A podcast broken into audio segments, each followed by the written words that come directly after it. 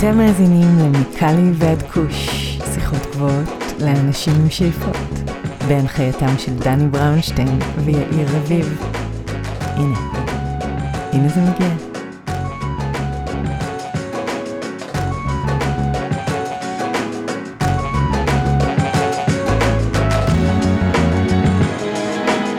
אהלן, אהלן, מה קורה יאיר? הכל בסדר גמור דני, מי האורחת היום?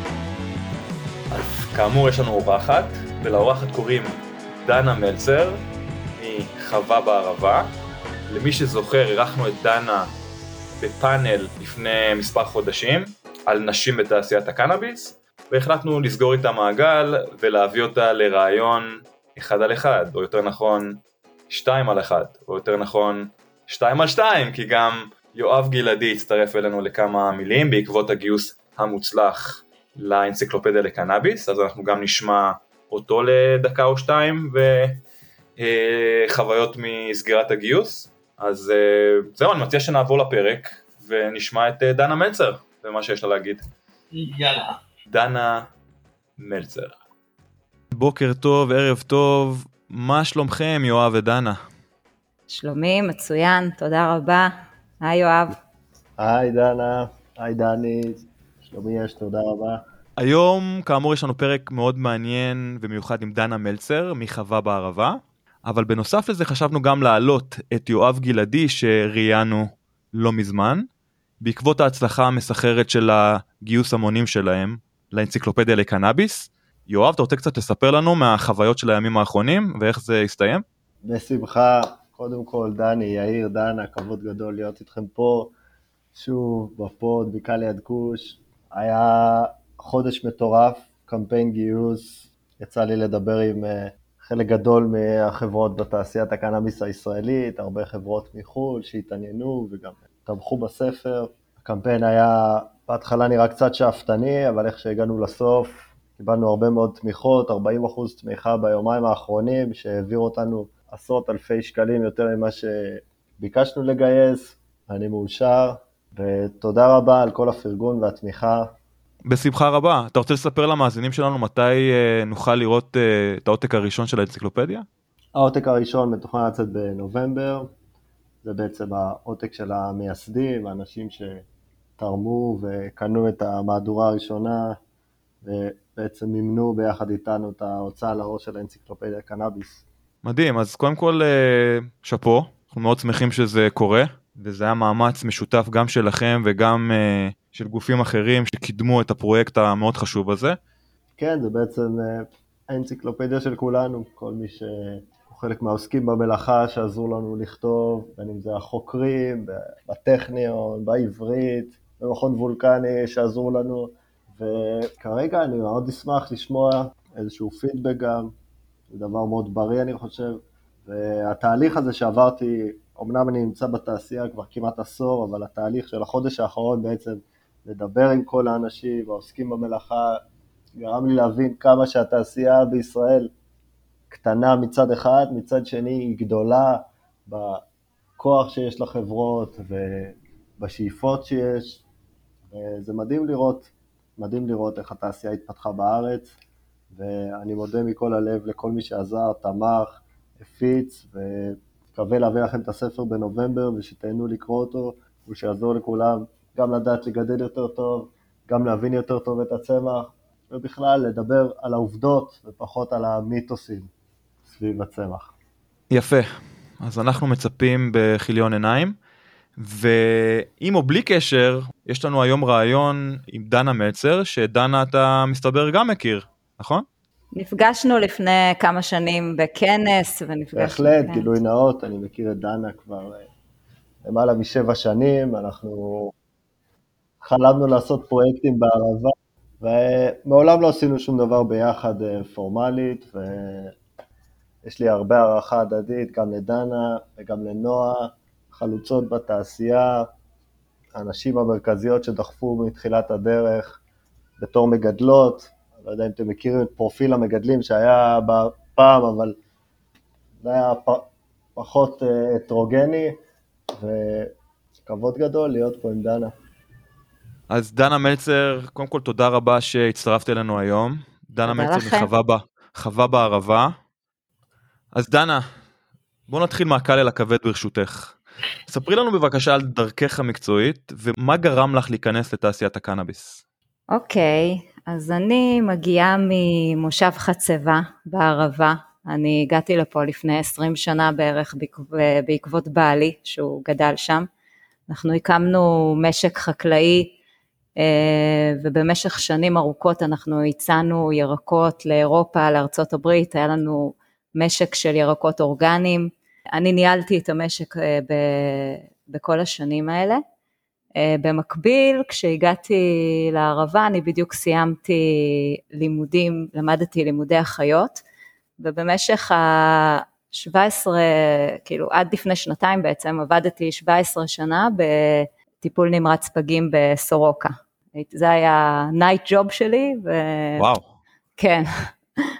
לפני משהו כמו עשר שנים היה משבר חקלאי מאוד מאוד גדול בערבה, קראו, אותו, קראו לו אה, משבר הפלפלים, אבל אה, בגדול זה הערבה שהיא הייתה בעצם מעצמה חקלאית, יצואנית מאוד מאוד גדולה, נקלעה לאיזשהו משבר, הרבה משקים נסגרו, ובאמת ממקום מאוד מאוד חזק, אנחנו פתאום התחלנו להבין שאנחנו צריכים לחפש כל מיני אלטרנטיבות, שיאפשרו לנו לחיות במקום הלא פשוט הזה. זאת אומרת, זה מקום אה, מאוד מיוחד, אבל אה, זאת פריפריה ו...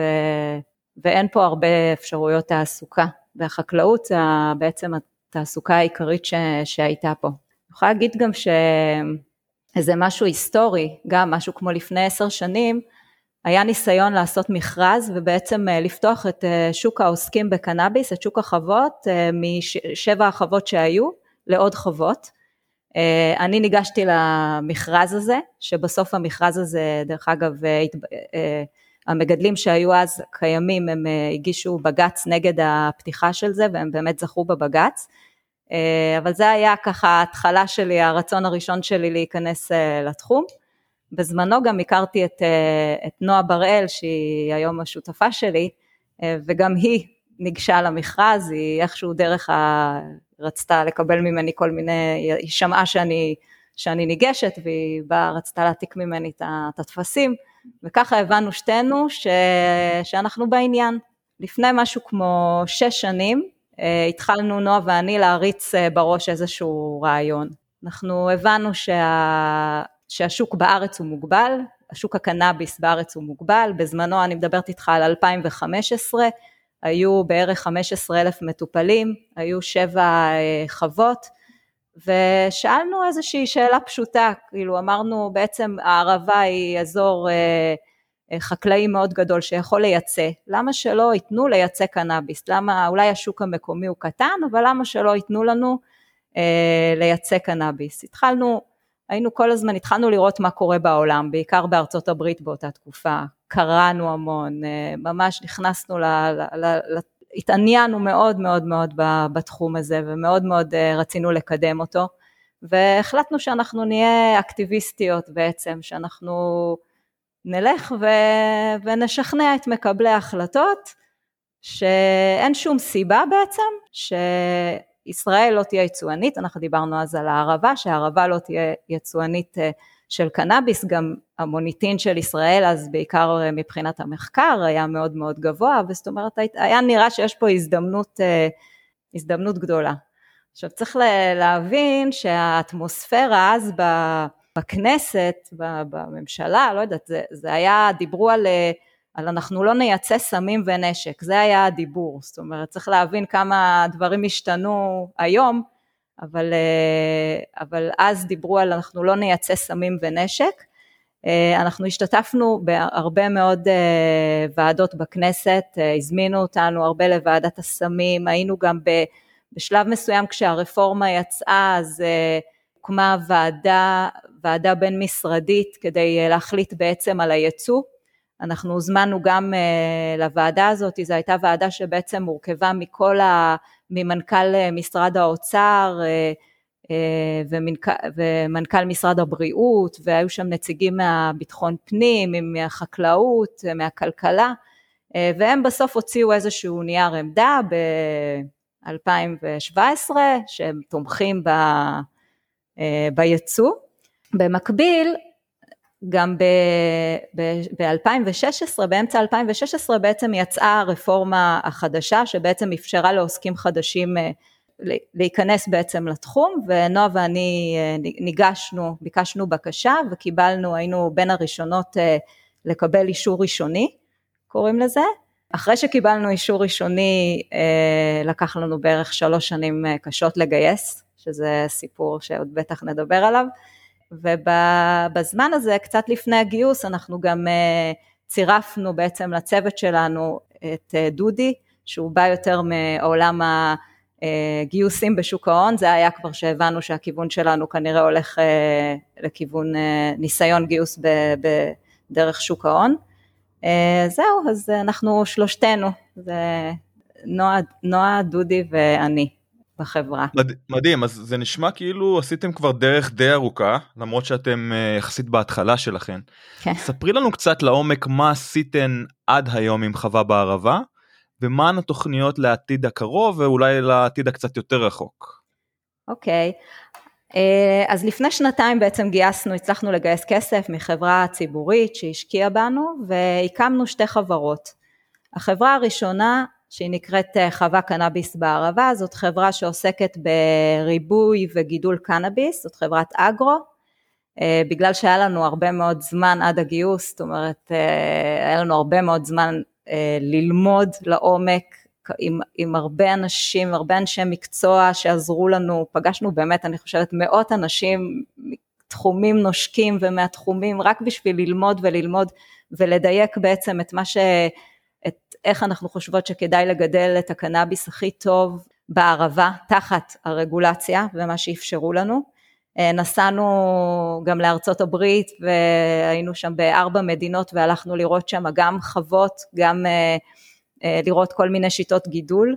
איפה הייתן אגב? באיזה מדינות? היינו בקליפורניה, בקולורדו, בניו מקסיקו ובאריזונה. בזמנו אז רק בקולורדו היה רקריאיישנל, כל השאר אה, היה מדיקל, שכמובן אבל בקליפורניה זה כבר היה, נראה כבר רקריאיישנל. בנינו בעצם אה, אה, חווה שיש בה שתי טכנולוגיות גידול, הטכנולוגיה הראשונה שהיא יותר, בוא נגיד, יותר טכנולוגית, זה בעצם כמו, זה הייבריד אינדור, אנחנו קוראים לזה, זה בעצם מבנה שהוא סגור, אה, אבל אה, הגג שלו בעצם אה, הוא מקבל קרינה ישירה מהשמש, זאת אומרת אנחנו לא משתמשים בתאורה מלאכותית, אנחנו כן רוצים לנצל את הקרינה שיש לנו בערבה, בעצם היתרונות שלנו בערבה זה הקרינה המאוד מאוד חזקה במשך כל השנה, היובש, אין אצלנו, הלחות אצלנו היא מאוד מאוד נמוכה וזה יתרון מאוד מאוד גדול, והחורף אצלנו הוא חורף חמים ומאוד מאוד בוא נגיד שרוב הדברים פה גדלים מאוד מאוד טוב בחורף, אה, לעומת מקומות אחרים. אז בנינו בעצם בשתי שיטות, גם בהייבריד אינדור וגם בנינו אה, מבנה שהוא יותר דומה לחממה, שהוא הרבה יותר אה, פשוט מבחינת טכנולוגיות, הרבה פחות בקרת אקלים, אבל עדיין עם בקרת אקלים, שהיא גם נחשבת יחסית לחקלאות קונבנציונלית מתקדמת. אה, עם קרינת שמש, שבאמת מנצלת את קרינת השמש אה, הכי. תכננו post harvest שהוא אה, ייבוש של צמח, של צמח שלם, גם מתוך הרצון להגיע בעצם לאיכויות הכי, הכי, הכי גבוהות. יכולה לספר לך שלפני שבוע קצרנו את הפיילוט שלנו, פיילוט, הרגולטור בעצם מחייב אותך לעשות איזשהו פיילוט לפני שאתה מקבל את האישור, האישור מסחרי שלך, אז קצרנו לפני שבוע והאמת שאנחנו היינו מאוד מאוד מבסוטות ממה, ש, ממה שקיבלנו בינתיים. החברה השנייה שהקמנו זאת חברה שקוראים לה חווה מו"פ, זאת חברה שהיא עוסקת בפיתוח מוצרים טופיקליים אה, מבוססי מחקר. באותו טיול בארצות הברית, באותו סיור בארצות הברית, גם אה, נחשפנו, גם רצינו להיחשף למוצרים, רצינו בעצם לראות, אה, באנו, נסענו לראות את העתיד, מבחינתנו זה היה לראות את העתיד, ובאיזה dispensary בלוס אנג'לס, פגשנו את בעלת ה-dispensary, דיברנו איתה וביקשתי ממנה שתמליץ לי על איזשהו קרם, והיא המליצה לי על Papa & Barkley, זה היה ב-2017, היא אמרה לי זה הדבר הכי, הכי טוב, ובאמת מאז אני מעריצה אותם. מוכר לי השם אגב. כן. אנחנו הולכים למדור פרסומי כפי שכתבו לנו. כן, כן, לא, זה, זה באמת, זה באמת אמיתי, אני באמת מאוד מאוד אה, אוהבת אותם מאז שנתקלתי בהם. החברה שלנו בעצם לפני שנה וחצי קיבלנו מענק מהרשות לחדשנות לפיתוח פורמולה לטיפול באטופיק דרמטיטיס, שזה סוג של אקזמה. אה, בעצם בשנה האחרונה אנחנו חקרנו במעבדה, קודם כל בצלחות, אבל אחר כך גם על אור אה, אדם, אה, פורמולציות שבעצם מורכבות משני קנבינואידים מבודדים ועוד שני צמחי מרפא שביחד אנחנו בדקנו המון צמחי מרפא אבל אנחנו מצאנו איזשהו שילוב איזושהי סינרגיה בין הארבעה האלה שנותנים בעצם אפקט אה, אנטי דלקתי ואנטי זיהומי, שזה שני הדברים שאנחנו מחפשים בטיפול באטופיק דרמטיטיס, מאוד מאוד חזק. וכרגע מדהים. אנחנו, כן, אנחנו כרגע מתקדמים גם עם הפיתוח של הפורמולציה הזאת. אני חייב לשאול דנה, כאילו, מהבסיס, למה חשבתם שתצליחו לגדל בערבה? כאילו זה נראה כל כך מופרך. אני חושבת שגם כשהגיעו לערבה, המתיישבים הראשונים, אז הם חשבו שזה מאוד מאוד מופרך לגדל פה. אבל uh, בסוף אנחנו אזור עם uh, הצלחות חקלאיות מדהימות, זאת אומרת, יש פה, אנחנו חיים פה חקלאות ואנחנו חיים פה אתגרים ואנחנו מתמודדים עם אתגרים ויוצאים מפה תוצאות מדהימות בהמון המון תחומים של חקלאות מתקדמת, אז uh, מבחינתנו אנחנו לגמרי יכולים לגדל בערבה. את יכולה לספר לי חלק מהשינויים שהייתם צריכים לעשות כדי לעשות את הגידול הזה? אני רוצה להוסיף איזה משפט בתור מי שגידל חמישה מחזורי גידול של קנאביס בערבה, אני רוצה רק לציין שזה אזור גידול מדהים, בעיקר בעונות החורף והאביב, ויש לך בעצם איזושהי ודאות לגבי מזג האוויר בגלל שהוא די קבוע, די צפוי, ומקטין לך את המשתנים לגבי, ואת ההפתעות שיכולות להגיע לך בזמן הגידול, ככה שיש עונות שפשוט המקום הכי טוב בארץ לגדל בו זה הערבה. נקודה מעניינת. תמשיך יאיר. אני אשאל שוב, כשמגדלים בערבה קנאביס, איזה שינויים הייתם צריכים לעשות לעומת מקומות אחרים בארץ שמגדלים בהם? בעיקרון אנחנו ניסינו לנצל כמה שיותר את היתרונות שלנו, זאת אומרת אה, אם היתרון שלנו הוא יובש ואנחנו צריכים אה, לצנן, אז אה, צינון במים זה משהו שהוא מאוד מאוד יעיל בערבה למשל. במקומות אחרים שהם מאוד לח, אז הדבר הזה הוא פחות טוב. אה, מבחינת הקרינה, אנחנו שולטים בקרינה על ידי אה, אה, צל, כן, רשתות צל בכל מיני אחוזים מסוימים, אבל בגדול אנחנו מנסים לראות את הדברים הטובים שיש לערבה ולהתמודד איתם. נכון שהקיץ פה הוא, הוא קשוח, אבל גם איתו הצלחנו להתמודד, שזה היה מדהים. כמה מחזורים אתם אה, עושים בשנה? אה, במבנים, ה... במבנים ה... אה, באינדור הייבריד אנחנו נוכל לעשות 4-5 מחזורים. בחממות הפחות טכנולוגיות אנחנו נוכל לעשות בין 2 לשלושה. יש לנו שם גם החשכה, זאת אומרת שאנחנו יכולים להיות יותר גמישים. אבל כן, בין שתיים לשלושה. אנחנו עוד, אה, אנחנו נלמד את זה עוד בדרך. ורק להדגיש, אה, גם פה בקליפורניה, חלק מהמגדלים בקליפורניה, אה, מגדלי האינדור, מגדלים גם באזורים מדבריים, עם מזג האוויר קיצוני מאוד.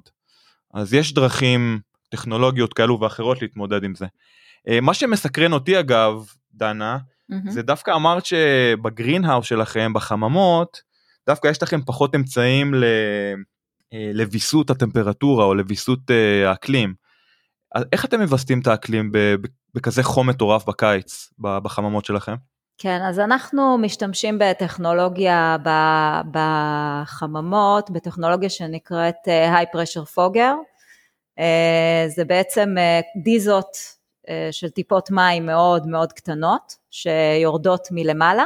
החמ, החממה היא בעצם אטומה, ויש רק פתח בגג, אה, שבעצם דרכו האוויר נשאב, ושני יונקים בשני צידי החממה, ששואבים את האוויר, וככה בעצם המים יורדים למטה, האוויר נשאב מהגג, והצורה שבה הוא נשאב הוא לכיוון יציאה החוצה אה, בשאיבה, ואז בעצם הוא מצנן לך את כל האוויר בחממה. בגלל שיבש אצלנו אז השיטה הזאת יעילה ואנחנו הצלחנו להוריד אה, בימים, שיב, בימים מאוד יבשים אתה יכול להוריד אפילו 15 מעלות אה, וואו. בשיטה הזאת, כן, זה מאוד מאוד חשוב שיהיה יבש בשביל שהיא תעבוד.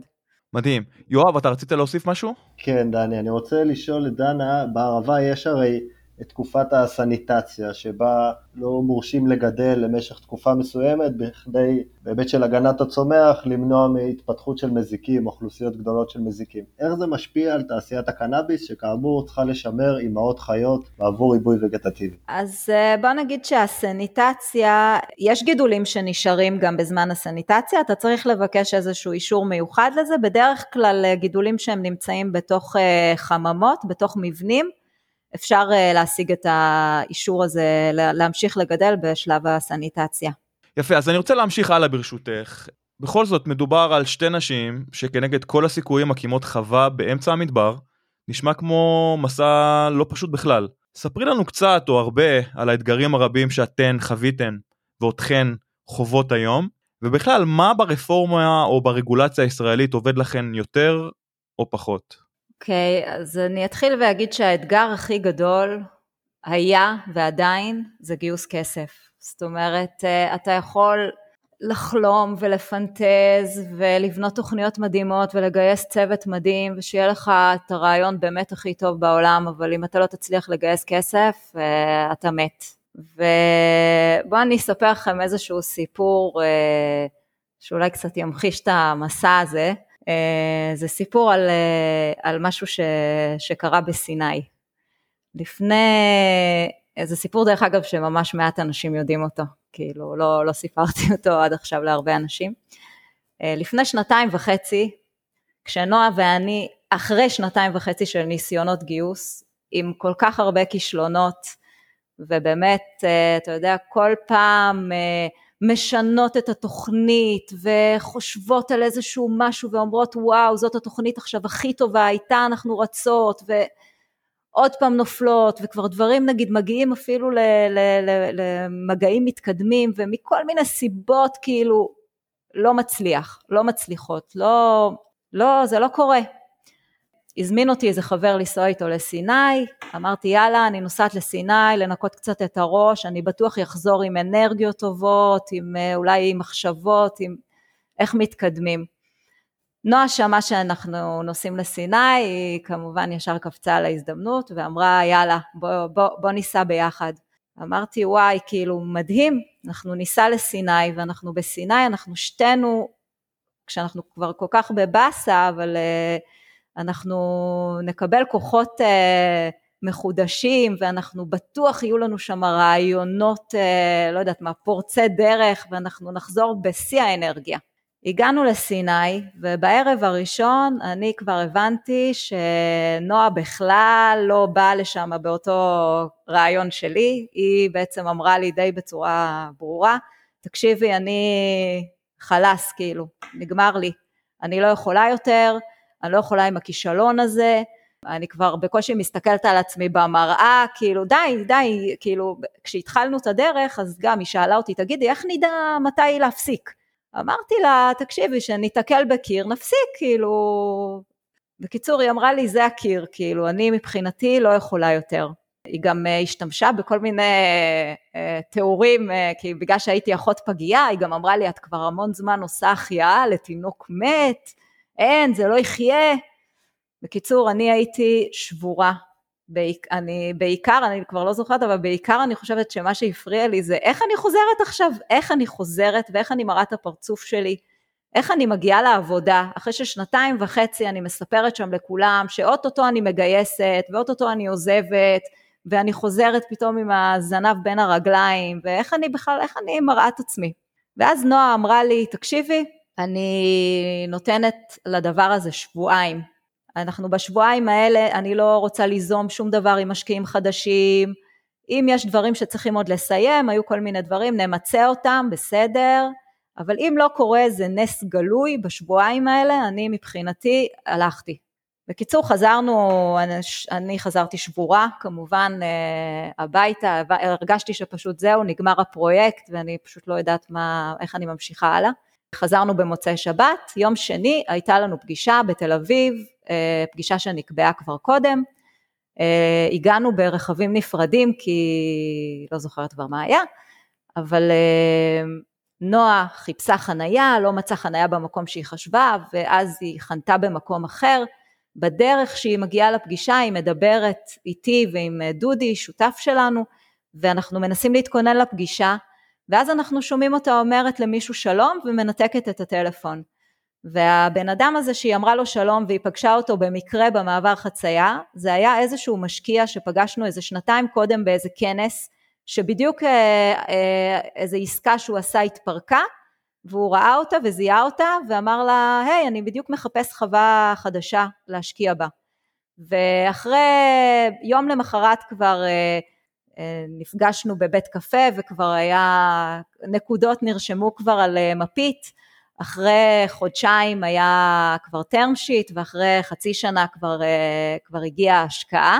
אני יכולה להגיד שהחוויה הזאת הייתה מאוד מאוד קשה, זאת אומרת זה לא שזה נגמר בשנייה הזאת, היו הרבה חודשים אחר כך שהיה הרבה מתח, אבל אנחנו יצאנו מהדבר הזה מאוד מאוד מחוזקות, אנחנו באמת הבנו שאנחנו יכולות אה, בסוף לפתור, אה, לפתור כל משבר.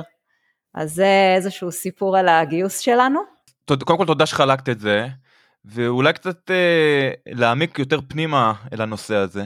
באיזה שלב אתם בדיוק נמצאים בגיוס הכספים של החברה? ובהקשר של הסיפור שסיפרת, מאחר וזו תעשייה כל כך גברית ומצ'ואיסטית, וחבל שכך, האם מסתכלים עליכן אחרת שאתן אה, באות לגייס כספים? או אולי זה בכלל יתרון להיות נשים? מבחינה של הסטטוס שלנו, אז אנחנו כרגע, החברה בעצם שהשקיעה בנו, החברה הציבורית שהשקיעה בנו לפני שנתיים, היא החליטה לפני מספר חודשים שהיא משנה את הפעילות שלה והיא כבר לא עוסקת בקנאביס עכשיו. אז אנחנו בעצם עכשיו ממש נמצאים באיזושהי צומת של היפרדות מהם וגיוס שנייה, נוסף. שנייה, שנייה, הם, הם כבר אה, חתמו על הצ'ק או שזה משהו שעדיין לא קרה? הם לא צריכים לחתום על שום צ'ק, אנחנו עכשיו uh, צריכים uh, לראות איך אנחנו נפרדים מהם, והם יוצאים לדרך שלהם, ואנחנו ממשיכים בדרך שלנו, ואנחנו מצליחות להמשיך בדרך שלנו, אנחנו כבר אין בינינו יותר, עדיין יש בינינו, אבל הרעיון הוא שאנחנו ניפרד. מבחינת, uh, אתה צודק, עולם ההשקעות הוא באמת עולם מאוד מאוד גברי, זה מועדון מאוד סגור, הרבה פעמים uh, זה מרגיש כאילו זה אנשים שהם... אגב, אגב, את אומרת עולם ההשקעות, אני דיברתי על תעשיית הקנאביס, ועכשיו אפשר לדבר על זה, על שניהם בעצם, mm. ביחד, על גם, גם שוק ההון, גם זאת אומרת עולם ההשקעות, וגם מצד השני עולם הקנאביס, אז שניהם מתחברים זה סופר מאצ'ו? דווקא, דווקא בעולם הקנאביס יש לא, יש יותר נשים בוא נגיד מעולם ההשקעות, כאילו העולם, עולם ההשקעות הוא עולם גברי כמעט במאה אחוז. זה ממש מרגיש קצת כמו, כמו מועדון סגור. לקח לנו הרבה זמן, אז אני לא יודעת אם זאת הסיבה או אני לא יודעת, אולי יש סיבות אחרות גם, בטוח, אני לא יודעת. אה, היו, היו כל מיני תגובות אה, משעשעות שקיבלנו. פעם אחת... תני לנו את המיטב. אה, למשל איזה משקיע שדיברנו איתו ובאמת סיפרנו לו את כל התוכנית שלנו והכל ואז כאילו בסוף הוא שואל אותנו כן אבל מי, מי מנהל את כל הדבר הזה כאילו איפה כאילו ממש הוא שאל איפה הגבר שמנהל את כל הדבר הזה שזה היה די uh, משעשע. אוקיי. Okay. Uh, אבל אנחנו גם באמת שהבנו שאנחנו הולכות uh, כנראה לשוק הציבורי אז באמת uh, צירפנו את uh, דודי שהוא שותף שלנו שהוא שהוא מגיע מהתחום הזה, אנחנו מאוד מאוד אוהבות אותו, אבל אנחנו גם באמת, אה, אני חושבת ששתינו מאמינות בגיוון ולא ב... לא צריך שיהיה רק מגדר אחד, צריך שיהיה את שני, או יותר, כמה שיש, בכל צוות, ואני יכולה להגיד לך ש... אחד הדברים הראשונים שאני מסתכלת עליהם, שאני צריכה לפגוש חברה, אני ישר מסתכלת על הצוות. ואם אני רואה נגיד שהצוות, מה שקורה לפעמים, הוא רק גברים, זה, זה ממש turn off בשבילי, אני כאילו, אני ממש לא אוהבת את זה, אני ממש פיתחתי לזה רגישות, לזה שאני רוצה לראות גם נשים וגם גברים ביחד, אה, שווה בשווה. מסכים, מסכימים אני חושב, לא? אה, נראה לי שכולם מסכימים על זה שצריך עוד נשים בתעשייה שלנו. כן. אז אתם נכנסים לשוק תחרותי ורווי בייצור מקומי, ביבוא קנדי וכמובן השוק המסורתי שלא הולך לשום מקום. מה מבדל אתכן או אתכם מול אותם מתחרים ובכלל מה האנד גולד של החברה? הזכרת פה את העניין של היבוא, אז רק איזה שתי מילים על זה, זה זאת ממש מכה קשה לתעשייה ואם באמת רוצים לייצר פה תעשייה מגוונת ומצליחה ולא לחזור לאיזשהו מצב שיהיה פה מונופול של מספר מאוד מאוד מצומצם של חברות גדולות, אז חייבים לראות איך מטפלים בנושא הזה בצורה הכי טובה, כי זה עלול לגרום אה, לקריסה של התעשייה. סליחה, מצד שני, אנחנו תמיד מדברים על פתיחת השוק ועל תחרות ועל זה ששחקנים ישראלים מקומיים צריכים להוכיח את עצמם מול אותו יבוא. עכשיו אם היבוא במקרה הוא יותר איכותי מהתוצרת המקומית, אז זה תעודת עניות לחקלאי הישראלי או, או לרגולטור הישראלי שמחייב uh, את כל ההקרנות הלא הגיוניות האלו. כן, תראה... מה שאני מנסה להגיד בעצם, mm-hmm. זה שלעצור את היבוא זה בעצם אה, לפגוע בצרכן בסופו של דבר, לא? אז uh, אני לא חושבת uh, שזה נכון, אני חושבת, תראה, הגיע, זה הגיע למצב שבעצם אנחנו מתחרים מול uh, מישהו שהוא לא באותו כוח שלנו, זאת אומרת הרגולציה מכבידה עלינו בכל מיני דברים בצורה מאוד מאוד קשה, שעל בעצם על החקלאים שמגדלים ו, ומייבאים, uh, זה לא פועל עליהם. למשל uh, עניין האבטחה, עניין האבטחה בארץ הוא באמת, אה, אין לו אח ורע בעולם. הדרישות אבטחה פה הן באמת כאילו מופרעות. עכשיו, אה, כל הדברים האלה הם מאוד מאוד מייקרים, יש פה, רגול... יש פה בעצם מצב של, אה, שנוצר של עודף רגולציה, והרגולציה פה בעצם נוגעת בכל הדברים, היא נוגעת מהרגע של איך לגדל את הצמח, זאת אומרת זה גם, זה גם ברמה של איך לגדל ואיך לשלוח אותו ואיך לאבטח אותו, הרגולטור פה, יש פה באמת עודף רגולציה שהיא בסוף פוגעת בתוצרת. אז אנחנו בעצם מתחרים פה עם איזה שהם אה, גופים שאנחנו, שזה לא, לא הוגן בעצם לתת לנו להתחרות בתחרות הזאת. עכשיו, אם מסתכלים על הדקה ורבע, על השנייה ורבע לפנינו, על המטר וחצי לפנינו, אז, אז בסדר, אז, אז נכון, היה גם איזשהו שלב שהיה אה, אה, צורך, היה מחסור, ו, אבל ה, היבוא, אני גם לא אומרת לעצור את היבוא לחלוטין, אני אומרת שהיה חייבים, חי, שחייבים שתהיה פה שליטה. המצב הזה יצא משליטה בעצם. הוקמו פה עסקים באמת במיליונים, ואחת הסיבות שהתוצרת פה היא עדיין לא טובה, זה, זה גם בגלל הרבה הכבדות רגולטוריות, אבל גם בגלל שיש עקומת למידה וצריך לתת, לה, לתת פה לתעשייה אה, לעמוד על הרגליים. וזה, וברגע שלא ייתנו לתעשייה לעמוד על הרגליים, שום דבר טוב לא יקרה מזה. זאת אומרת, אז יכול להיות שייהנו כרגע מהיבוא. דרך אגב, מטופלים, אם אני מדברת עם מטופלים, היבוא הוא לא פתרון בשבילהם, כי אם הם רוצים בעצם רצף טיפולי, הם לא מקבלים רצף טיפולי ביבוא. אז נכון, יש דברים שהם כאילו אה, אה, נחשבים יותר איכותיים ב, אה, ביבוא, אבל אני חושבת שחייבים להסתכל על כל התמונה ואנחנו רוצים להישאר פה לעוד הרבה שנים ואנחנו לא רוצים עכשיו עוד אה, להרוס את כל מה שנבנה פה, צריך לחשוב, צריך להבין שבעצם נבנה פה משהו מאוד מאוד גדול. זאת אומרת הרפורמה הזאת היא בסוף, אם מסתכלים עליה מלמעלה, אז בתוך כמה שנים נעשה פה שינוי מטורף. כאילו גם מבחינת כמות המטופלים וגם מבחינת דרך שבה המטופלים כאילו שהם יכולים ללכת בעצם ולרכוש את זה בכל מקום זאת אומרת יש פה, יש פה תעשייה, הושקעו פה מאות מיליונים בארץ ואם אנחנו לא רוצים לקלקל את התעשייה הזאת, אנחנו רוצים אה, לטפח אותה, אז אנחנו צריכים, אה, חלק מהדברים זה גם לשלוט ביבוא, אין מה לעשות. אה, קנדה למשל. דנה, את יכולה לשלוט ביבוא לארץ, זה כן, אבל בסופו של דבר גם את רוצה לייצא, ואת תתחרי כן. בסחורה הזאת, אם לא בארץ, אז תתחרי בה בחו"ל. כן, אבל המצב כרגע בארץ זה שלא נותנים לך לייצא, והמצב כרגע בארץ זה שקנדה שמייבאת לפה לא נותנת לנו לייצא אליה, בגלל שהיא שומרת על השוק המקומי שלה, Mm. ושהוא שהוא מוצף.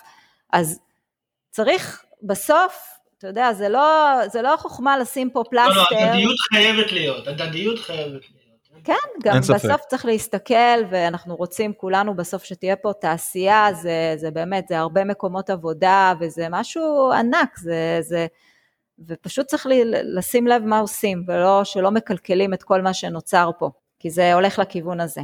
בהחלט, כמו שאמר הדד- אה, יאיר, הדדיות חייבת להיות, ואם אה, אתכם מחייבים לעשות הקרנות מסוג, מסוגים כאלו ואחרים, אין סיבה שאותם אה, חוקים ורגולציה לא תחול על... בארץ, בכל מקרה, הסחורה מקנדה מוקרנת בישראל. כן, הקרנות יש, אבל אני אתן לך דוגמה למשל לדברים שהם עודף רגולציה, והם מכבידים מאוד עלינו, ו...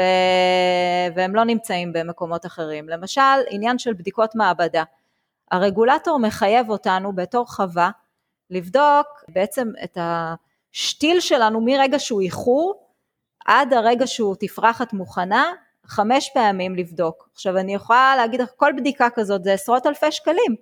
רוצה לבדוק אה, דברים שגם בשום מקום בעולם אין את הדבר הזה, זאת אומרת כל- מקום בעולם אומר תבדוק את המוצר הסופי ואז אנחנו נדע מה יש לנו, את מי זה מעניין לבדוק שתיל, לבדוק עלים ב- ב- בשתיל של מה הם 15 רוצים סנטימטר. שתבדקו בשתיל באמת? הם רוצים שתבדוק אה, חומרי הדברה, הם רוצים שתבדוק מתכות כבדות, מיקרו, מה זה, מה אכפת לי בכלל אם יש עכשיו חיידקים באיחור, כאילו את, את, זה באמת לא מעניין וזה משהו שהוא מאוד מאוד מאוד מכביד.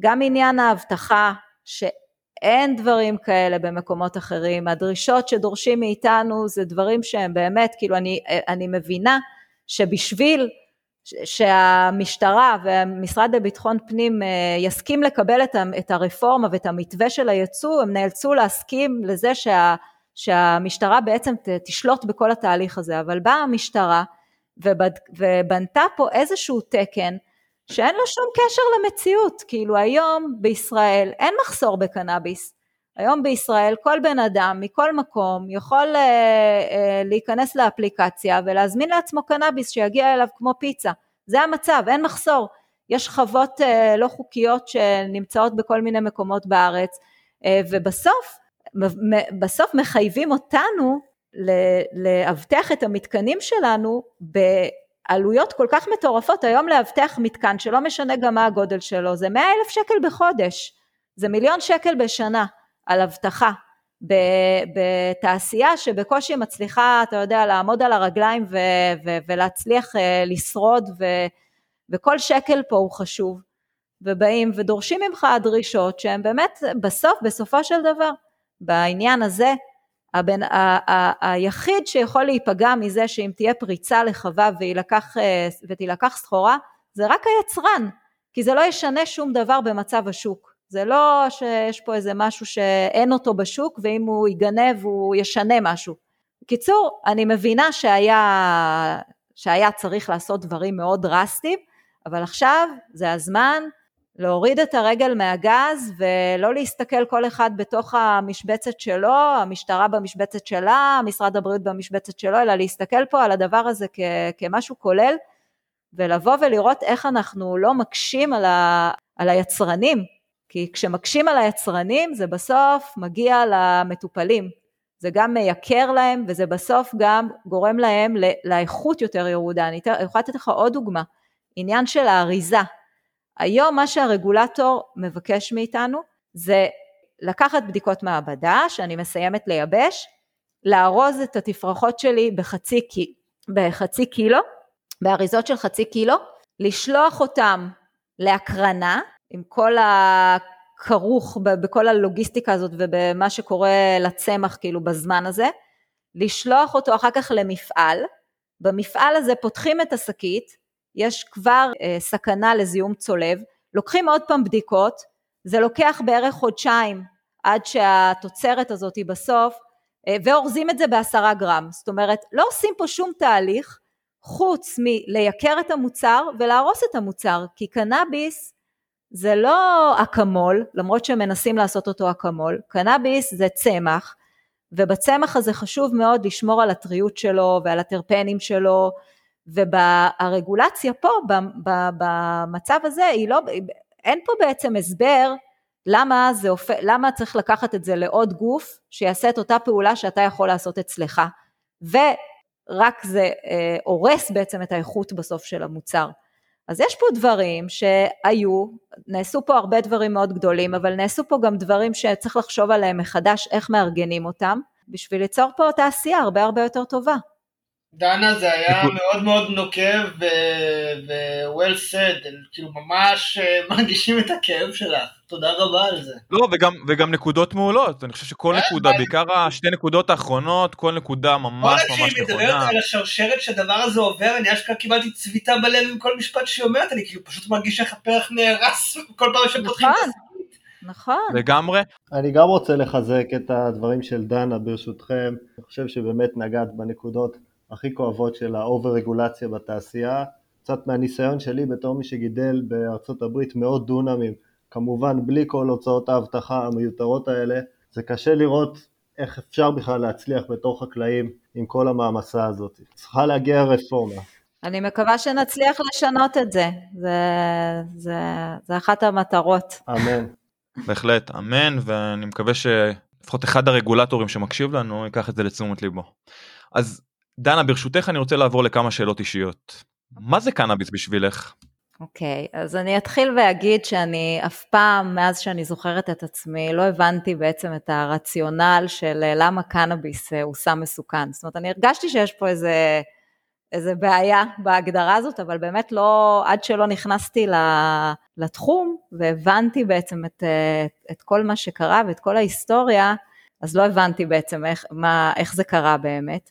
והיום אני, הקנאביס בשבילי הוא, הוא צמח שבאופן מדהים ומופלא הוא מחובר לאדם וגם לחיות אחרות והוא תומך באדם גם מבחינה אה, בריאותית וגם מבחינה חומרית, זאת אומרת אפשר מההמפ לעשות כל כך הרבה דברים וכשמבינים מה קרה ובעצם איך בצע כסף וחיבור בין כסף לשלטון וכל הדבר הזה, איך זה קרה בעצם ואיך הקנאביס יצא מחוץ לחוק, אז זה, זה, זה פשוט אה, נורא לחשוב על כל העשרות שנים האלה, ש...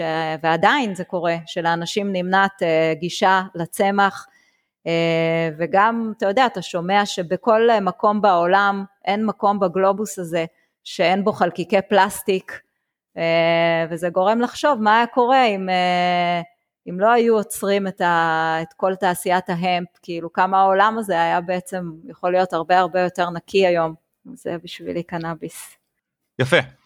אז אילו שחקנים אחרים את מעריכה בשוק הקנאביס הישראלי או הבינלאומי? Uh, בארץ אני אוהבת את חברת איליז, שזאת חברת הפצה לקנאביס רפואי, אבל מה שאני אוהבת בהם זה שהם באמת אנשים שאוהבים ומבינים קנאביס, וזה לא תמיד קורה בתעשייה.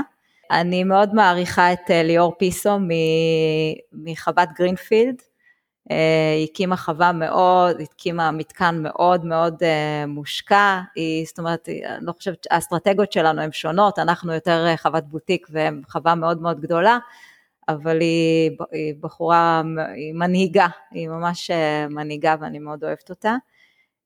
אני רוצה לפרגן גם לשכנים הקרובים שלנו בערבה, לכאן ערבה, אה, שזה מתקן אינדור בערבה, ולעין חצבה, שזה חממות, גם קרובים אלינו, והם אה, חברים טובים והם עוזרים ותומכים בנו. אני יכולה להגיד שנגיד אה, בכנסת, שרן השכל ותמר זנדברג זכורות לי שתיהן כבאמת מנסות לקדם מהלכים בתחום.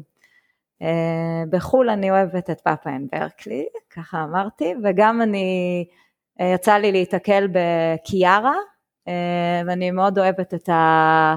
במוצרים שלהם אה, רק שמעתי אנשים שהשתמשו ואהבו, אבל אני אוהבת את השירות לקוחות שלהם, הם, הם עובדים יפה.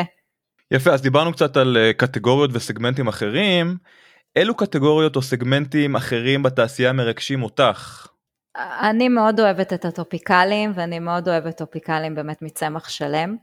אה, זה אחד הדברים. גם מיצויים אה, ללא סולבנטים, כל הפרש פרוזן, זה, זה כאילו משהו שאין לי ניסיון בו, אבל, אבל אני הייתי ב... ניסית אגב? כמשתמשת? ניסיתי בארצות הברית שהייתי באמרלד קאפ. זה... באיזה שנה אגב היית באמרלד קאפ? ב-19? יש לי הערה חשובה בשבילך. וואו. אוקיי. מה שדנה אמרה. מה? אני אגיד לכם מה, לי, אני עובד עם אה, סולבנטים, אני ממצה בבוטן, אז uh, כל הדיון הזה של הלא סולבנטים וזה קצת מעצבן אותי, אוקיי? עכשיו, קרה משהו, ופעם ראשונה יש מצב שאני קצת בצד שלכם. אתה מודע לתאונה שהייתה בקליפורניה בסן פרנסיסקו? מה, מבוטן? לא, בוטן תאונות קורות כל הזמן, זה לא חדש. אה, אוקיי. אה, איזה לא, תאונה? לא. יש איזה מישהו שמוכר אה, בוטן לכל, ה... לכל החבר'ה שממצים בסביבה של סן פרנסיסקו, והוא קנה מכלי גז יד שנייה מספק אחר, שלפני זה היה מעביר שם איזה משהו אחר, שמגיב לא טוב לבוטן, וזה יצר אה, בנזנים בתוך המכלים. משהו סחורה כמו חמש מיליון דולר של מחסניות, להכל טעם שום בגלל החומר הזה. אתה יודע איזה חברות אגב?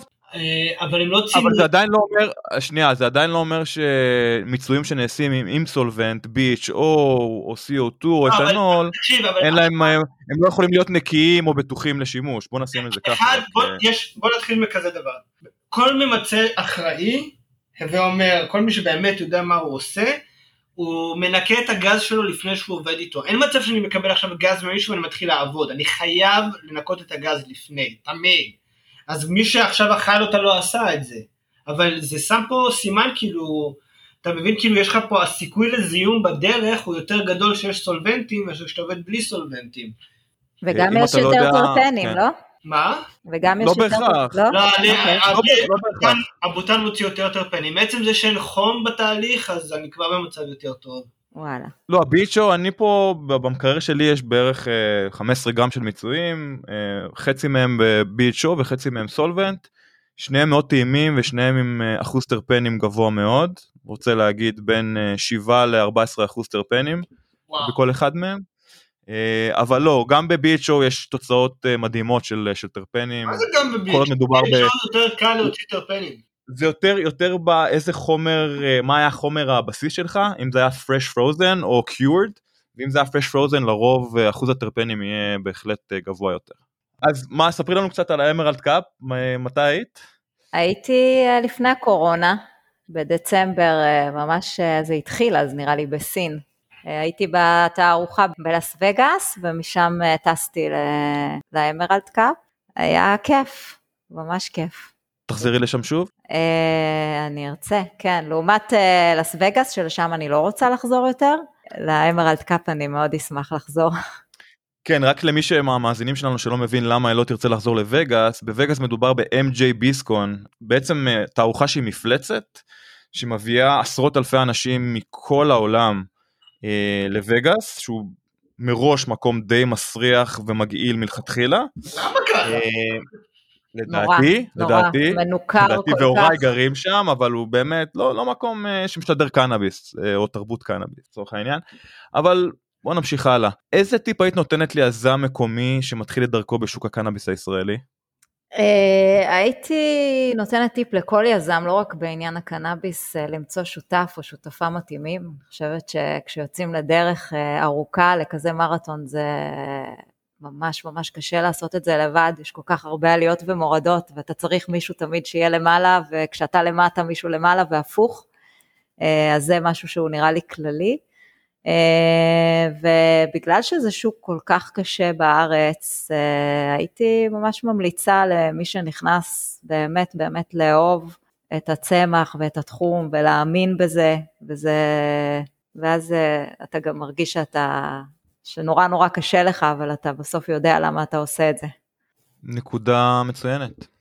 בכלל נקודות מעולות גם לגבי השותף אני חושב שבהחלט לכל יזם כזה או אחר שיודע שהוא לא יכול לעשות את זה לבד חושב שבחירת השותף זה אחד השלבים היותר קריטיים בבניית העסק שלך.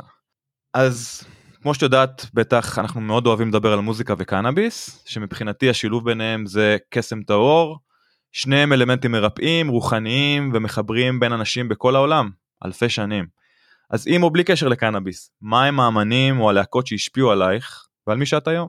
כשהייתי טינאייג'רית אז uh, הייתי שומעת הרבה פינק פלויד, לד זפלין, ג'נסיס שהיה אז עם פיטר גבריאל, מאוד מאוד אהבתי, זה כזאת מוזיקה ממש אה, פסיכדלית כזאת. לגמרי. אחר כך הייתה לי תקופה של הסמית'ס והקיור, קצת יותר uh, רגוע. אני מאוד אוהבת מוזיקה, אני אוהבת לגלות דברים חדשים, אני לא מגלה מספיק דברים חדשים, אבל uh, היום אני אוהבת גם uh, אומנים ישראלים, את שני פלג, גבע אלון, אמיר לב, קוסטה קפלן, כל מיני. אמיר לב הוא לא כזה חדש אגב, הוא די לא, ותיק, אני לא, חייב להגיד. לא, גם גבע אלון הוא לא חדש, אבל כן, כן, אבל אני, כן, נכון, הוא הרבה זמן אני אוהבת האמת את אמיר לב. אמיר לב יש לי סיפור אהבה איתו כבר משנות התשעים שהייתי תלמיד בבית ספר. וואלה. בהחלט אחד האהובים. אם היו נותנים לך לקבוע איך היית מעצבת את הלגליזציה הבאה או הלא באה עלינו לטובה בישראל, איך, אה, איך היית מעצבת אותה? אה, דבר ראשון, הייתי דואגת שכל הכסף שייכנס למדינה כתוצאה מה, מהשוק הזה בעצם, מהמיסים שלו, מהשוק הזה, הוא ילך באמת למקומות הנכונים של חינוך ורווחה. אני קראתי לא מזמן על באמת על מדינות בארצות הברית שעשו אה, לגליזציה ופתאום הכספים יכולים לשמש לכל מיני מטרות וכל מיני תוכניות מדהימות שאין כסף בעצם להפעיל אותם ופתאום יש אפשרות לעשות את זה, זאת אומרת, אז הייתי מאוד רוצה שכל הכסף יפעל בסוף, ל... יחזור לקהילה ולמי שצריך. אה, אבל לגבי התעשייה הייתי רוצה שזה יהיה אולי דומה יותר לתעשיית היין, וכאילו כל מה שקשור ליין, נגיד תיירות, אה, קנאביס, כאילו זה בעצם הכל, כאילו הייתי, הייתי רוצה ש... שנסו, לה, ש, שפחות ינסו להגביל, כאילו שיהיה אולי באמת הנחיות אה, של מה רוצים ולאן רוצים להגיע וכמובן את כל ה... כל העניין של ההשקעה בחינוך, מכל הפחדים ש, שיש בגלל הלגליזציה, אבל לא, לא, לא לסרס את התעשייה הזאת, לתת לה לצמוח ולתת באמת לאנשים את מה שהם אה, אוהבים. נקודות מעולות ואני רק אה, רוצה לחזק את מה שאמרת לגבי התיירות וכמה זה יכול לתרום לתיירות עיר כמו תל אביב שהיא כבר בלי קנאביס עיר אה, אחת הערים המובילות בעולם מבחינה של חיי לילה ותרבות להוסיף את הקנאביס לשם ואת כל אה, האנשים היצירתיים בתל אביב אל עולם הקנאביס זה פשוט ייצור מפץ אדיר לדעתי שרק יביא מאות אלפי אם לא מיליוני תיירים בשנה לישראל אז זה משהו שבאמת יכול להיות גדול אה, יותר ממה שאנשים חושבים לדעתי. כן. גם במדבר, אנחנו, לשותפה שלי יש פנטזיה לפתוח פה ספא. אז נקווה שהפנטזיה הזאת תתממש במוקדם אה, מאשר במאוחר. כן. אה, ואגב דיברנו עם אה, עד אפרופו פאפיין ברקלי אדם גרוסמן בפרק הקודם שפתחו גם לאונג' לצריכה בחנות הדגל שלהם בצפון והוסיפו לידו גם bed and breakfast או bud and breakfast תרצי לקרוא לזה ככה. מדהים. אבל זה אחד הטרנדים ואני חושב שזה בהחלט גורם משיכה להרבה מאוד תיירים. אז דנה לפני שאנחנו מסיימים איך אפשר לעקוב אחרייך אה, אחרי החברה שלכם ובכלל אם אנחנו יכולים לעזור אה, לגייס עוד כסף או אם אתם צריכים עוד עובדים זאת הבמה להגיד מה אתם צריכים. אה, דבר ראשון להשיג אותי הכי טוב במייל אני מצטערת אבל אני לא כל כך בלינקדין ולא כל כך ברשתות חברתיות אז אני אתן לך את המייל פשוט אתה יכול לפרסם אותו. אוקיי. אמ, אז אין לך, אין לך שום... אה, לא, יש לי, אבל אני לא באמת... בסושיאל מדיה? יש לי, אבל אני לא באמת כל כך פעילה בו כרגע, לצערי. אז כאילו באמת, okay. אוקיי. אם, אם רוצים לפנות אליי, זה באמת הדרך הכי, הכי טובה. כרגע אנחנו לא מגייסים עובדים, אנחנו באמת, כמו שאמרתי, אנחנו בשלב של הישרדות, אבל, אה, אבל אני מאמינה שאנחנו מגייסים כסף, ואני גם, אה, אני מאמינה שהכל יהיה בסדר. אז למי שמעוניין להשקיע בחברה שלכם, למי, למי לפנות בעצם? אלייך? אליי, לדובי? אליי, אליי, אוקיי. כן. אז דנה תודה. מלצר, קודם כל אה, עונג גדול לארח אותך היום, היה באמת רעיון נפלא. באמת פרק טוב. ואני. מאחל לך ולנועה הצלחה רבה, גם עם הפרויקט שלכם, בהמשך הדרך, אה, בכל עולם הקנאביס, פרויקט פיתוח הקרמים שלכם, שנשמע מרגש מאוד, ובכלל נראה שאתם עושים אה, דברים אה, מרגשים וטובים בתעשייה, אז תמשיכו לעשות את מה שאתם עושות. תודה רבה, היה לי ממש כיף. אוקיי, אז זאת הייתה דנה מלצר. מה אתה אומר יאיר? אני אומר שכל הכבוד על, ה, על העניין הזה של ללכת ולהרים את הפרויקט הזה, כאילו מאמץ על אנושי להצליח לעשות כזה דבר, וגם היוזמה לעשות את זה בערבה, כשמסתבר שיש לה שם ממש מיקרו אקלים שהוא הרבה יותר מתוחכם ממה שאני ידעתי שהוא, ואפשר להוציא משם דברים יפים, וכנראה שיש שם גם אה, תנאים לייצר שם דברים מעניינים. אז עכשיו אה, בואו נראה שהפרחים האלה, שיוצא, שיצא באץ' שיגיע לשוק, כי מה שהם גידלו עכשיו זה לא הולך לשוק, אבל בואו נחכה שיגיע באץ' לשוק ונראה מה הם עשו שם, ובשאיפה יש לנו פה קנאביס ישראלי מדהים. בהחלט, אז uh, גם אני למדתי הרבה uh, על המייקרו אקלים שלהם וגם על, על השיטות המיוחדות שהן משתמשות בלקרר את החדר שלהם או את ה... נקרא לזה הייבריד כי זה לא ממש אינדור, זה לא ממש אאוטדור, זה סוג של ליהנות משני העולמות. יש חלל אחד שהוא הייבריד, נכון, ויש חלל אחד שזה חממה as is. נכון, אבל אותה מערכת שמפזרת לחות, מקררת את החדר ואז מוציאה את הלחות, זה, זה מדהים. כן. מדהים, אני רוצה לראות את זה ב- ב live.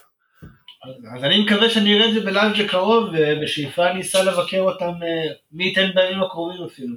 עוד משהו שאנחנו קצת מדברים עליו אה, מדי פעם, זה הרגולציה הבלתי אפשרית, שפשוט תוקעת את כל המערכת, ובאמת, נגיד שהיא אה, מטילה הרבה קשיים על יזמים, על מגדלים, אה, לבדוק את הצמח כל כך הרבה פעמים לאורך הגידול, זה פשוט מיותר, וזה עולה הרבה כסף, וזה לא תורם לשום דבר, אז אני לא כל כך מבין ויודע בדיוק איך הרגולציה עובדת, אני כן יודע דבר אחד, שהיא לא עובדת. היא לא עובדת מספיק טוב, היא- היא לא עובדת, לט- היא לא עובדת לטובת היזמים ולטובת המגדלים, וזאת בעיה. זאת בעיה שחייבת להשתנות, כי... אבל אתה יכול לקחת את זה, זה חס- זה. חסם כניסה רציני, זה חסם כניסה מאוד רציני. תראה, אני צריך לנסח את זה כמו שצריך, אבל כמגדל קנאביס, אתה רוצה לבדוק את הסחורה שלך כל הדרך, אוקיי? לא בטוח שאת כל הבדיקות שהם רוצים שתעשה זה מה שבאמת צריך לעשות בפועל. אה, לעשות בדיקת זיהומים בשלב, ה... בשלב הגדילה או בשלב האיחור זה פשוט דבר שהוא מגוחך לחלוטין.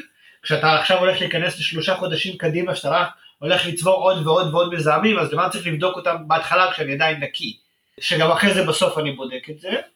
אה, אבל למשל לעשות בדיקות HPLC לחומרים פעילים לכל אורך הגידול, זה, זה משהו שלמגדל יש אינטרס ברור לעשות אותו. עכשיו בוא נסתכל על הרגולציה שלא מאפשרת לך לפתוח מעבדה עצמאית של, אה, של אה, בדיקת קנאביס, או שבכלל אני כמטופל עושים, מערימים עליי קשיים לבדוק את הקנאביס הרפואי. אני אפילו מדבר איתך על קנאביס מהשוק השחור. ומה עם הרגולציה שאוסרת על גידול אורגני של קנאביס? למה שנגדל קנאביס נקי בליבינג סויל אורגני אם אפשר לזהם אותו בכל כך הרבה חומרים אחרים? כאילו אני לא מבין את ההיגיון של זה. בול, ו- וזה עוד, אבל אתה יודע מה? זה עוד יותר מחריף את העובדה שעוד בסוף אתה עושה לי את הבדיקת זיהומים ואני עובר את ההקרנה, אז למה לא יכולתי לפחות לגדל את זה כמו שצריך? כאילו, אין פה שום דבר שעושה שכל. מדהים. אותי מעניין מי קובע את כל ההתעקשות הזאת, מי קובע את כל הד- הדבר הזה, באמת, כי, כי כולנו מסכימים על זה שאין פה שום היגיון. אבל מצד אחד עומד בראש הפירמידה איזה מישהו שלא מבין כלום בהיגיון או בגידול קנאביס, אז, אז אני לא מבין מה, זאת אומרת זה כאילו להילחם בתחנות רוח, זה מלחמה אבודה מראש. לא, אני, אני לא, אני לא חושב שזה, שזאת הבעיה שהוא לא מבין בקנאביס. תקשיב, מי ש... כל יחידת הקנאביס הרפואי, הכוללת את יובל לנדשפט העומד בראשה וכל זה, זה ביורוקרטים, אלה פקידים. אף אחד מהם לא צריך להבין בקנאביס, מה שהם צריכים להבין זה איך להקים שוק שאפשר לעשות ממנו כסף. עכשיו, אבל יאיר, יאיר, גם בבירוקרטיה יכול להיות קצת היגיון, תסתכל על האמריקאים שהם יודעים בירוקרטיה מהי, הם נש... השתדלו להכניס קצת היגיון בבירוקרטיה, לפחות בחלקה. אז איפה ההיגיון בחוקים שלהם? תראה, לכם היה הרבה מאוד מזל בארצות הברית, שבעצם זה מזל שאין לשום מדינה אחרת בעולם. אתם עשיתם מין גלישה איטית ונוחה משוק אה, לא חוקי, לשוק סמי חוקי, לשוק סמי רפואי, לשוק חוקי לגמרי. אז הכל מאוד מאוד טבעי ואורגני. פה זה לא ככה. פה יש לך מישהו שיש לו שטח פתוח לחלוטין לעשות מה שהוא רוצה, והוא הולך עכשיו לעשות רגולציה שהולכת לייצר המון כסף להמון אנשים, כולם חברים שלו, אוקיי? בעייתי. אז, אז אתה צריך לעשות כך וכך בדיקות במקום הזה והזה, או שבמקום הזה והזה, אה, ואתה צריך שהעובדים ישתמשו בכפפות האלה והאלה, הספר הירוק מגיע לרזולוציות פסיכיות. שאף אחת זה- מהן, אגב, לא עוזרת לי בגידול קנאביס. לא עוזרת לי לעבד קנאביס, לא עוזרת לצרכן לקבל קנאביס טוב יותר. בהחלט. בעיה קשה, ולא יודע, מה עושים? מחליפים את היחידה לקנאביס רפואי? מחליפים את העומד בראשה? יש לי הרגשה מביאים שיותר יועצים קל- חיצוניים? מה מה עושים? יותר קל להחליף. אתה יודע, זה אנשים לא נבחרים, מבחינת המערכת הם עושים את העבודה שלהם, יש לך גם המון אנשים אה, שמרוצים מהחבר'ה האלה, אתה יודע, כאילו, אתה, יש אנשים ש, שיגידו להם הרבה מילים טובות, עכשיו, אני חוץ אישית- מטל אוחנה, שאני זוכר, מי מי עוד אמר עליהם מילים טובות לא, מהאורחים גם שלנו? בשיחות למשל? פרטיות אני לא זוכר. בתוך התעשייה, זה לא, אין פה איזשהו משהו שהוא גורף שכולם אנטי יובל אנשב, יש הרבה חבר'ה של- ש- שזורמים איתו, אבל איך תדע כי הם באמת חושבים ככה או שהם חלק מהקליקה. אני לא יודע. זה בעיה קשה, זה בעיה באמת אה, קשה בתעשייה, זה משהו שבאמת תוקע מקלות בגלגלים של התעשייה. תשמע, זה, זה הכל, בהרבה זה. חוזר, אתה, אתה יודע מה, על, ה, על החשיבות של לגליזציה, כן לגליזציה, לא, שאני תמיד די מבטל את הנושא הזה, שזה לא כזה מעניין אותי לגליזציה, כל הקשיים שאתה חווה כרגע, נובעים מזה שהם יכולים לת, להשתמש בתירוץ הזה של לגליזציה, שאין לגליזציה כדי להטיל עליך את הקשיים האלה. כי אם עכשיו אתה, בענף ההייטק, הם לא יכולים להטיל עליך את אותם המגבלות והרגולציה ועניינים. פה, בגלל שאתה, א', מתעסק בחומר שהוא מחוץ לחוק, וב' בגלל שהם כאילו יש פה איזשהו עניין סמי רפואי, ואני אומר סמי כי אסור להם להתייחס לזה כאל תרופה, זה בעצם טיפול, אז הם ככה מנצלים את זה יופי כדי להפיל עליך המון המון המון חוקים, שעולים עליך המון כסף. גם האבטחה דרך אגב, מה זה אבטחה? זה רק בגלל שזה לא חוקי. אתה מדבר על דרישות אבטחה שלהם? כן, דרישות האבטחה שלהם. כאילו הם מוציאים הון תועפות על אבטחה. אתה לא היית צריך לאבטח את זה, אם כל אחד יכול לגדל את זה, לפחות לא באותה מידה. בהחלט. מה שעוד אה, עניין אותי בשיחה זה באמת האתגר הגדול של שתי נשים בעולם מאוד מצ'ואיסטי וגברי שנקרא תעשיית הקנאביס ותעשיית אה, גיוס ההון, שתי קטגוריות או שתי תעשיות מאוד גבריות במהות שלהן ובעצם האתגר שלהן לגייס כסף במהלך אה, די הרבה שנים יחסית. אה, מה שגרם להם בסופו של דבר לגייס את הצלע השלישית, הגברית, אה, יחד עם הרקע שיש לו בשוק ההון, בשביל לעזור להם בתחום הספציפי הזה, רק באמת אומר שזה תחום שהוא עדיין מאוד גברי, ושבאה אישה אה, לגייס כסף לחברת קנאביס, עדיין מסתכלים עליה בהתנשאות ובסקסיסטיות. אז האם אפשר לשנות את זה? כנראה שזה לא ישתנה מאוד מהר, לצערי הרב. אבל אנחנו כן רוצים ומנסים לעודד עוד נשים להיכנס לתעשייה הזאת. אה, אנחנו מדברים על זה לא מעט, על החשיבות של אה, כניסה של נשים לתעשייה הזאת, אבל כאמור גיוס כספים זה עדיין משימה גברית בימינו.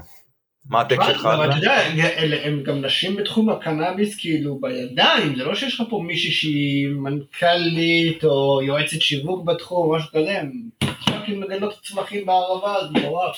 לא, הם לגמרי נשות עבודה, נשות uh, השדה. ברגע שאתה גם מבין את הרקע של, uh, גם של נועה וגם של דנה, זה ברור שהן uh, נשות עבודה או נשות של uh, שטח. כי מה אתה מצפה ממישהי שהייתה אחות בבית חולים סורוקה במחלקת פגים, שזה מחלקה מאוד אינטנסיבית. Uh, זה לא אחת שתשב במשרד ו- וכל היום uh, תסגור עסקאות בטלפון, זה מישהי שרוצה לעשות. אז גם שאפו לדנה ולנועה מפנטזיה וחלום הם הפכו את זה למציאות במו ידיהן.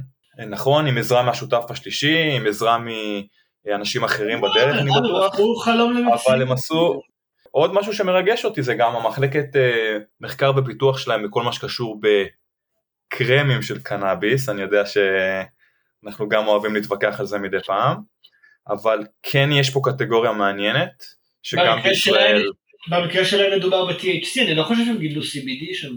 כן, אני חושב שגם וגם, לא, האמת שאני חושב שדווקא במקרה שלהם מדובר ב-CBD, שאני מדבר פה בהקשר של הקרמים בקליפורניה, אני מדבר על קרמים עם THC ו-CBD, או רק עם THC, אוקיי?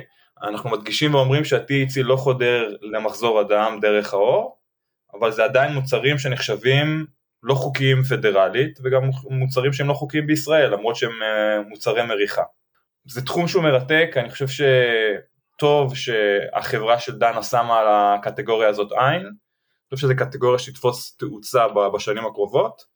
מעבר לזה שהכניסה של הם CBD לקטגוריה הזאת גם אה, מצד אחד מביא הרבה שרלטנים אה, ורמאים, אבל מצד שני גם מביא הרבה חברות קוסמטיקה אה, לגיטימיות או חברות מיינסטרים מעולם הקוסמטיקה שמתעניינות גם ב-CBD, גם בקנבדואידים אחרים וגם בטרפנים בשילוב, של ה, בשילוב עם הקרמים שלהם. אז כדאי לפקוח עין על הקטגוריה הזאת וכדאי גם להתנסות למי שלא ניסה, במידה וזה יהיה זמן בישראל. Mm-hmm. עוד משהו על דנה?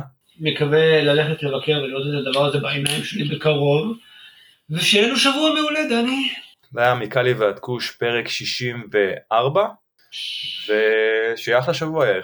אחלה שבוע ושנה טובה. שנה טובה ומעולה. יאיר, מעולה. צ'אלו. תודה שהאזנתם לתוכנית. אם נהניתם ממנה, ומהאורחים שהבאנו לכם, נשמח אם תדרגו אותנו בחמישה כוכבים. כל דירוג או ביקורת חיובית יעזרו לנו להמשיך להביא לכם את האורחים הכי שווים בתעשיית הקנאביס. יש לכם הצעה לאורח או נושא מעניין?